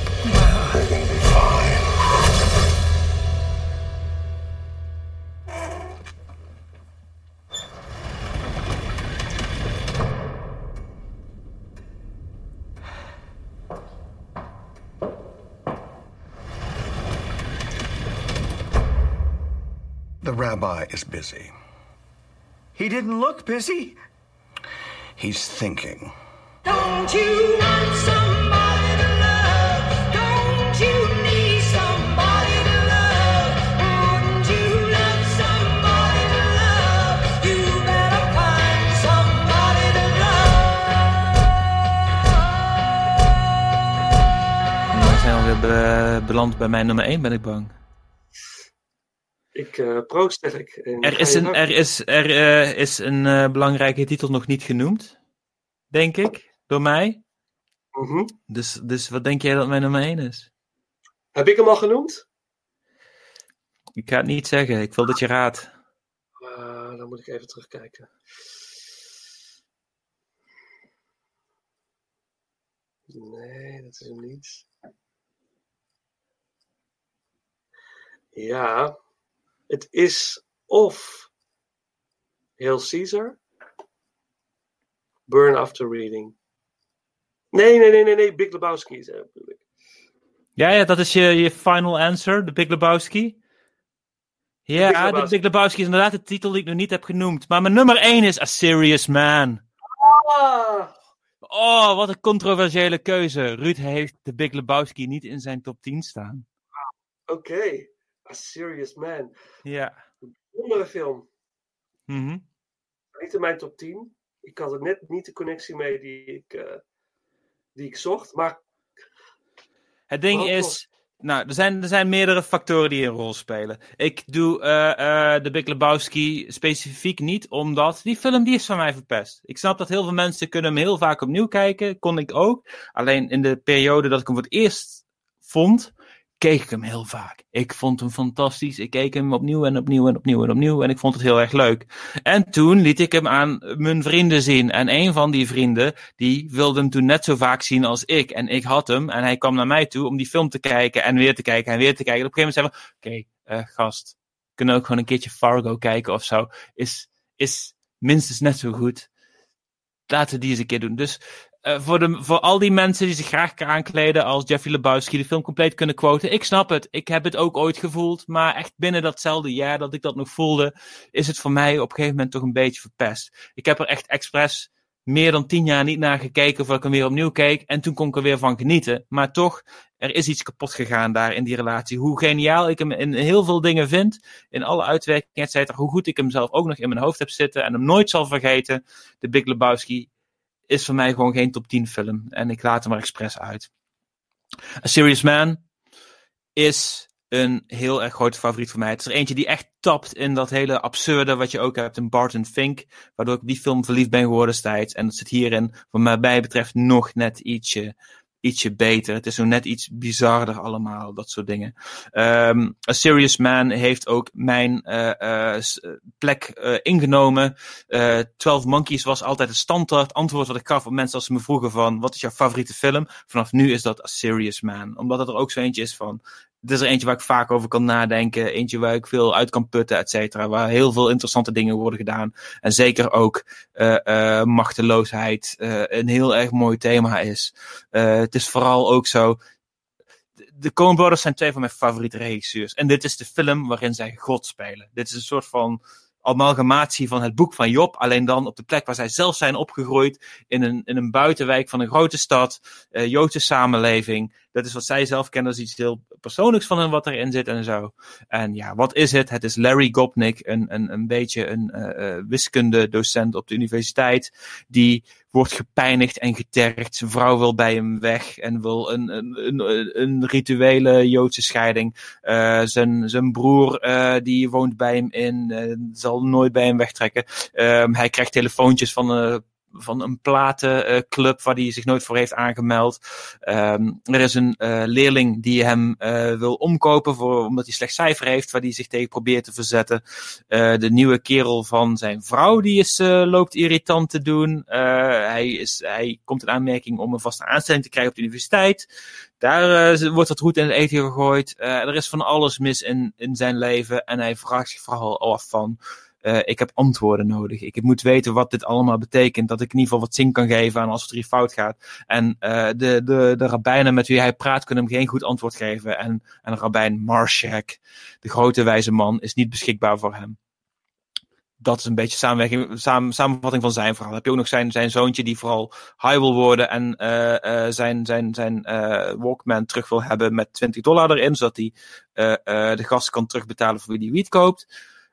En die bijna een bar mitzvah heeft. En dat is ook weer een heel ander verhaal en zo. Maar het eindigt uiteindelijk met de ultieme miserie. Uh, uh, Larry uh, besluit toch wat met dat geld te doen, zodat hij wat mensen kan afbetalen en verandert dat cijfer van zijn student.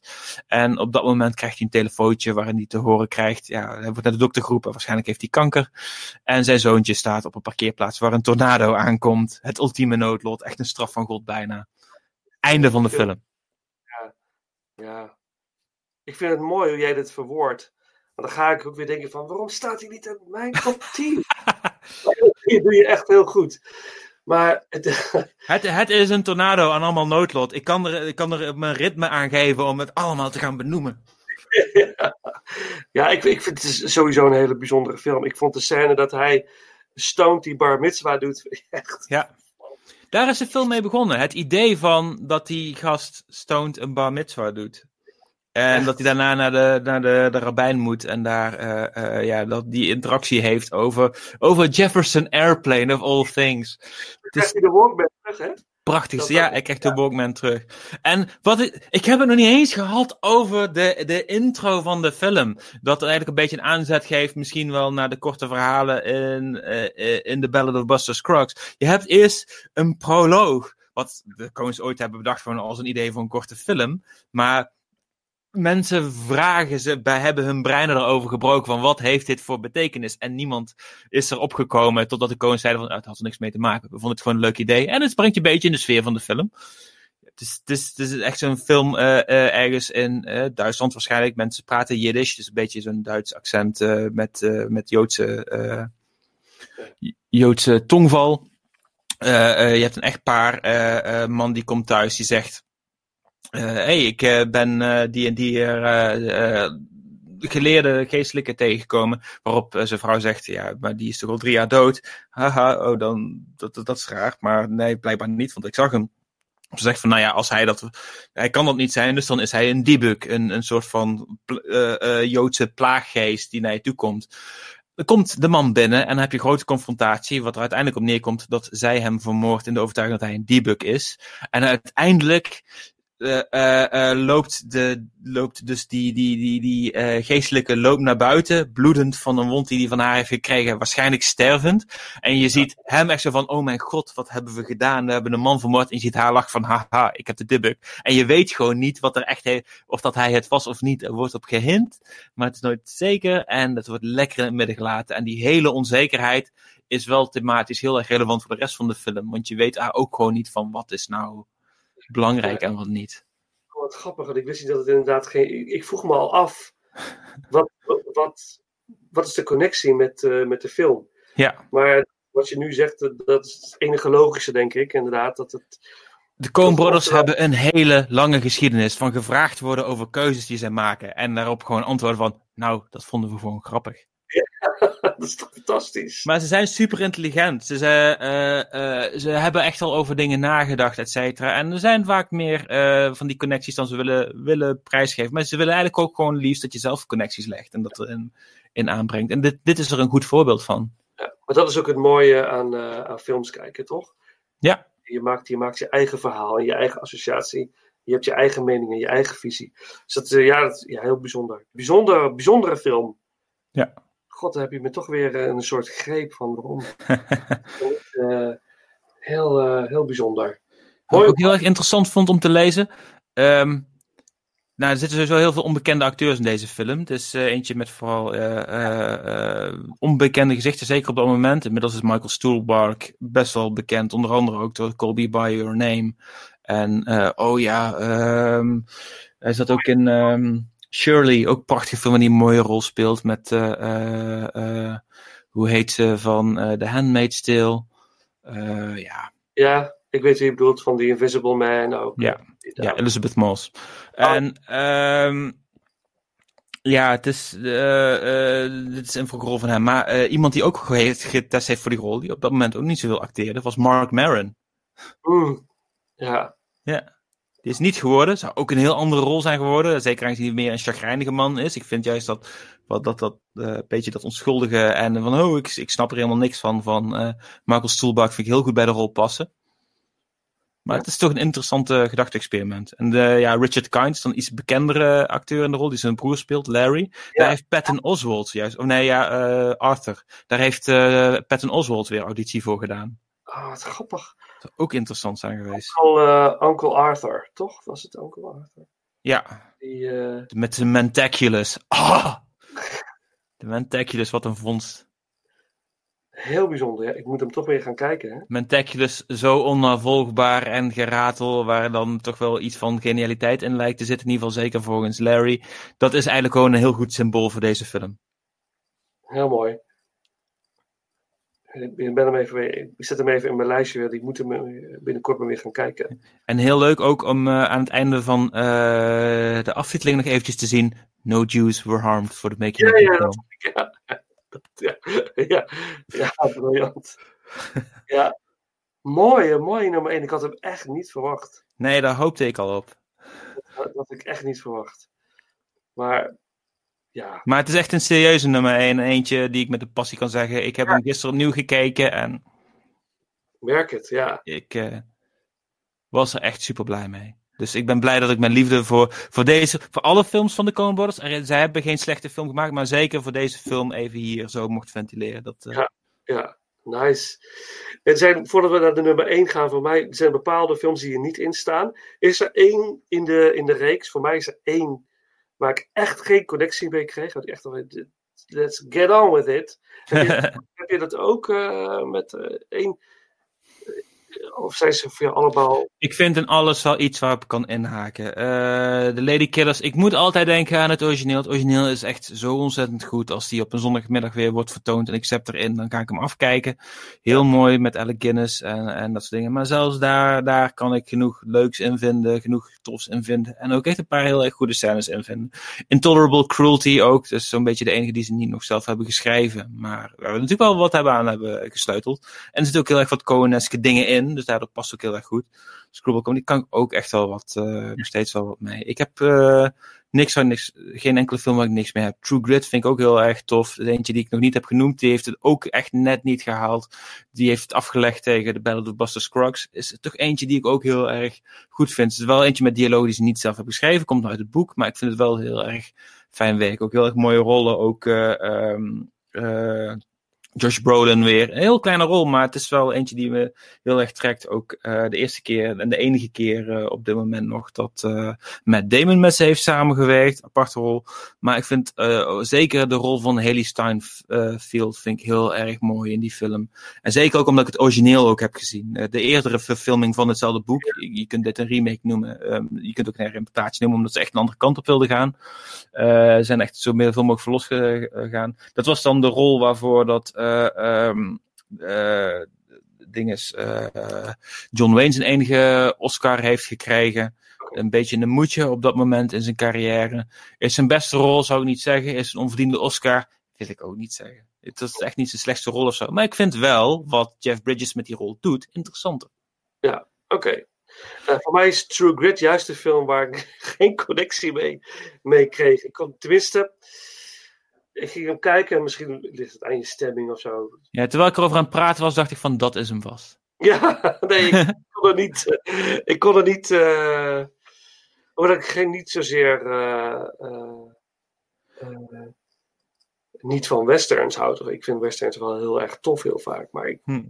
ik kwam er niet in. Het, ja. Ik kreeg me niet te pakken. Had ik ook een beetje bij de Hardsuckers Proxy. Een beetje dat is er ook eentje die het, uh, dat is degene die het uh, voor mij heeft afgelegd tegen uh, Racing Arizona. Het ging een beetje tussen die twee en uh, Hardsucker Proxy kreeg, gaf mij dat gevoel niet. Ik vind Tim Robbins niet per se miscast, maar hij geeft daar niet hetgene aan de rol mee wat hem weer sympathiek maakt voor mij later. Nee. Hij is te veel alleen maar met zijn eigen ding bezig en zo. En dan mist iets. Het is een heel erg groot eerbetoon aan de films van Frank Capra. Die ook It's a Wonderful Life heeft gemaakt en zo. Heb ik ook een uh, kerstpodcast overgenomen. Die kun je lekker terugluisteren op mijn feed. Haha. Ah, mooi. Nu in rea, uh, real time komt die uh, bijna uit. Um, maar um, ja, nee, dat, uh, uh, daar zit altijd echt een, een, uh, iets in de karakters. Die kunnen ook een karakterfouten hebben of zo, maar daar kan ik me in meevoelen. Ook in It's a Wonderful Life. Um, die rol van James Stewart is een heel erg boze man geworden. Maar hij heeft nog steeds iets sympathieks, want hij zet zich altijd in voor andere mensen. En er zit ook iets in. Bij de Hudsucker Proxy heb je dat niet zo goed. Dan missen ze iets. Het wordt net iets te cartoonesk. Hij voelt net niet genoeg aan als een echt persoon. Dat is ook zeker iets wat, wat, wat, wat heel erg in het Coeneske past voor een deel. Maar aan de andere kant denk ik van dit is hem net niet. En zeker voor de, de hoofdrol van de film mist hij dat dan net voor mij. Terwijl het ook een film is waar ik echt met heel veel plezier naar kijk. Alleen al voor hoe cirkels daarin een thema zijn. Ja, ja, ja. Mm, heerlijk. Ja, ja, bijzonder. Ja, het is wel een bijzondere film, maar het is, ook een film die ik nog, nog eens moet gaan kijken hoor. Hm. Uh,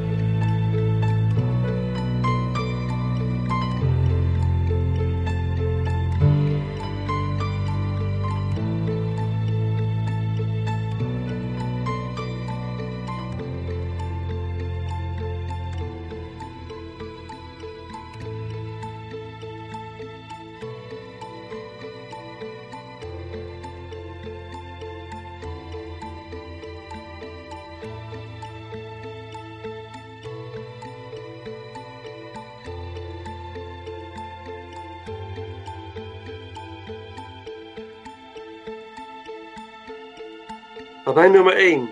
Ja. Ja, het kan er maar één zijn natuurlijk, nu nog.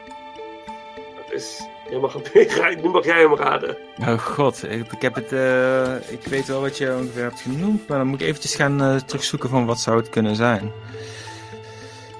Hop, hop, hop, hop, hop. Mhm. Ja, ja, het is natuurlijk heel lastig. het is zeker heel lastig, die heb je nog niet... Ja, zou het blad simpel zijn? Ja, Ja, het is blad simpel. Ja, interessante keuze. Het is ook zeker eentje dat ik die net had gezien, dat het ook heel snel een van mijn favorieten was. ja, ik vond het... Ik heb hem een paar dagen geleden gezien en ik was echt eh, om. Hm. Ik hou sowieso heel erg van films uit de jaren tachtig. Ja. Die sfeer en... eh, echt een ethisch eh, man wat dat betreft. Dus ik vind dat, ehm, dat sowieso heel erg mooi. Ik vind Het is heel erg dat DIY-gehalte voel je er ook heel erg aan, want in de, zeker ook in eh, low-budget films in de jaren 80 heel erg veel zit. Ja, vind ik heel, heel cool. En eh, de soundtrack vind ik echt heel simpel. Ja. Heel, heel treffend. Het is, de film is, is gecompliceerd, maar eigenlijk ook heel simpel. Dat, Ja. eh, daarom heet hij niet zo, begrijp Nee, ik. maar hij is juist, ja, hij is, eh, ze- in de motivaties van de karakters en zo is hij heel erg simpel, maar zeker in waar het toe leidt allemaal, en hoe het allemaal net per ongeluk ze, welke situaties ze terechtkomen, dat is zo goed uitgedacht. Ja, fantastisch. En ik heb, zat echt oprecht in spanning te kijken naar deze Ja. film. Ik was echt ook wel oprecht weer opnieuw omvergeblazen door de film toen ik opnieuw keek. Ja, hè? En dat is eh, nu, in, nu nog, hè? zeg maar, in deze, in deze tijd. eh, de film holds up, zeg maar. Helemaal. En, en de spanning eh, aan het einde vond ik echt fantastisch. Die gast, de, de, de huurmoordenaar met zijn, met zijn mes in zijn hand. In En, en met Wall, wat een acteur ook. Ja, echt, echt, echt briljant. Die dan met- Heb je dat citaat eh, eh, eh, meegekregen over hem op de set? Nee. Op een gegeven moment echt in de scène, zo tegen het einde of zo, moet hij zijn hoed oppakken. En hij weigerde dat te doen. En, en met Walsh hij had echt een hele waslijst bedacht aan, om te duidelijk te maken aan eh, Joel en Ethan van, nee, daarom zou mijn karakter dat zeker niet doen.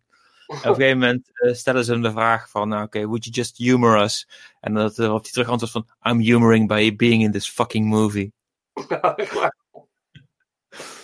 Maar hij heeft het wel naar zijn zin gehad blijkbaar, want hij is terug voor Raising Arizona. Een klein rolletje. Ja, ja dit is on- onvergetelijk, deze man. Ik vind Ja. het, ja. Ja, we hebben, alles, we hebben alles al een beetje besproken. Ik ging een beetje kijken. Nou ja, nog, de, de- nog iets over M. Emmett Walsh. Hij zet daar, het is de eerste keer dat in een film, hij is de allereerste verteller in een film. En de Coen Brothers maken daar graag gebruik van, om een verteller te hebben die dat doet. Eh, vanaf de Hudsucker Proxy, een van de dingen die dat nog wel heeft, is dat ze daarin voor de eerste keer een, een klein karakter in de film pakken en die de verteller laten zijn. Dat is interessant. Dat wordt naar de hand veel vaker ook weer op een hele mooie manier benut, vooral in de Big Lebowski. Mhm. Eh, de cowboy daar, ja, hij, betekent hij echt iets? Misschien niet, maar het is wel iemand die je ziet in beeld en die dat doet. En dat is een, een, een, een gouden greep in die film. Eh de Hudsucker Proxy wordt dan neergelegd. En, en, en met Walsh als eerste verteller is ook zeker al een voorbode daarop. Iemand met een bepaalde stemgeluid, een heel erg typisch iemand. Maar hij speelt een grote rol in die film, dus dat is toch iets anders. Ja, ja. Is het, het is Sam Elliott toch in de Big Lebowski? Ja, zeker. Dat, eh, en ik, la- ik las nog dat. ehm, Over snorren gesproken, dat is de snor waar iedereen voor buigt. hij is al badass, deze man. Hm. Ja, dat, ik las ook dat hij. ehm, dat Joel Cohn eh, en. eh, nee, Ethan nog als typist werkte. bij Macy's. eh, Oké. de film aan het ontwikkelen waren. Ja. En inderdaad, het idee dat Sam Raimi had geadviseerd om eh, van deur tot deur te gaan. Ja. Om geld in te zamelen. Een van de beste independent films van het jaar. Heet dit? Ja. Nou ja, dat is een. eh, eh, Roger Deakins maakt tegenwoordig een podcast. Ik weet niet of je hebt geluisterd. Team Deakins. Samen met zijn vrouw die continuïteit bewaker is op de set. Dus die zorgt dat het script goed wordt bewaakt en zo. Oh, leuk. Ehm, zij, zij praten samen en weer met iemand anders erbij. En vaak ook weer met een gast erbij. En ze hebben een keer Joel Cohen gehad. Nou, als iemand weinig interviews geeft, is het Joel Cohen. Maar die gaat wel met hun over films te praten die ze hebben gedaan. Dus hebben ze het ook over eh, Blood Simple. En eh, dus ook zeker over hoe ze die film eh, dus bij elkaar hebben gebracht. En dat is ook een heel erg interessant gesprek. En hij vertelt ook zeker wat over, over bepaalde keuzes die ze hebben gemaakt en hoe ze er, erbij zijn gekomen om dat te doen. Dat is echt wel een aanrader. En er was iets wat hij erin zei, en ik weet even bij god niet meer wat, waarom dat ik het eh, erover begon. Heb je het genoteerd? Ik hoop dat ik het genoteerd heb. Oh ja, nee, maar dat, ja, dat is het. eh, omdat ze in die film eh, eh, echt konden doen wat ze wilden. Dat het geld bij elkaar en ze hadden eigen volledig creatieve controle. Toen ze daarna Racing Arizona gingen maken, dat was dus wel een opdracht van een productiemaatschappij. Dus die ook Blood Simple had opgekocht. Die, eh, die, die liet hun meteen ook daarin gaan. Misschien ook een beetje omdat ze erop aandrongen op dat moment nog. Maar dus ze hadden dus volledig creatieve controle. Dus ook over de, de edit en dat soort zaken. Zij konden in ieder geval, in ieder geval laatste woord. En vanaf dat moment kon ze altijd afdwingen. Want het was altijd zo geweest. Ja. Dus dat is ook wel zo'n tof ding wat hij daar eh, vertelt. Van, ja, dat is iets waar we hebben, plukken nu steeds de vruchten van. De meeste mensen klagen erover dat ze dat niet hebben. Eh, Orson Welles is zo'n heel echt tragisch figuur die er altijd mee heeft geworsteld na, naast Citizen Kane. Het is echt zo'n ding wat zo'n thema is, zo heel erg, heel Hollywood, alle auteurs en dat soort dingen. En zij hebben dat wel. En waarom? Stom toeval. Waarom? Omdat ze bij die eerste film dat ze echt zelf hebben geproduceerd. En vervolgens konden ze er gewoon op staan van, nou, dat willen we hebben. Ah, gaaf. Ja. Ik ga het zeker luisteren. Deacons, Team Deacons heet de podcast. eh, genoteerd, ja. Ja. Super cool. Hey, dat, dat brengt ons eigenlijk, we zijn rond. Ja. Ja, we hebben bijna alles. We hebben een titel nog niet eens besproken. Volgens mij niet. Volgens mij heb ik op zijn minst alles wel een keer echt tussen neus en lippen doorgenoemd. Ja. ja. als jij niet al in je lijst staan, dan had ik het anders wel weer in mijn lijst. Ja, mooi dat het niet helemaal overeenkwam. Nee, zeker. En superleuk dat je deze eh, hebt gekozen, want voor mij is er weer een wereld open gegaan aan eh, films die ik nog niet had gezien. Dus dat vond ik echt eh, Ja. heel Ja, bijzonder. nou ja, mocht je toch nog een keertje de Police Academies eh, aan willen vliegen, dan sta ik ervoor open. Nee, dat gaan we zeker. leuk, leuk. Nee, absoluut. Nee, gaan we doen, gaan we doen. Cool. Dus ja, goed, eh dankjewel voor, eh, voor eh, het gast zijn in de podcast. Ja, ik vond het heel fijn eh, om te doen. En eh, dit, dit, is gewoon leuk. Ik kan eindelijk een keertje zo diepgaand over de Coen Brothers praten. Iets wat ik nog niet heb kunnen doen eh, in duimpje worstelen. Mensen, mensen vinden het maar gewoon geen slechte film. Dus ik weet niet wat het is. Wat is? Wat zou, ja, wat zou het zijn? Nee, maar we komen vast nog een keer bij elkaar terug. Ja, Lijkt me heel leuk en dan doen we Police Academy. cool. Lijkt me tof. Dankjewel. Cheers. Oké, ik ga de recording stoppen. Dit was Ranking the doen. Coen Brothers. Ik hoop dat je met veel plezier hebt geluisterd en ik weet bijna zeker dat ook jullie top 10 totaal anders zal zijn dan die van ons. Ik wil Ruud bedanken voor de fijne samenwerking. En de volgende ronde is ook bijzonder. Inmiddels is de aflevering al opgenomen en zal over twee weken online verschijnen. De volgende aflevering zal gaan over 2020. Paul en ik zullen onze persoonlijke top 10 van 2020 aan jullie presenteren. Dus ranking 2020. Wat zijn jouw favoriete films uit 2020? Deel het met ons via de social media kanalen. Ik ben heel benieuwd naar jullie lijstjes. Ik vind het sowieso heel leuk als jullie meedenken en meedoen.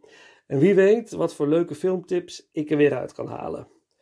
Tot zover deze aflevering. We sluiten af met een song die wordt gebruikt in de film Blood Simple, de Same Old Song door de Four Tops.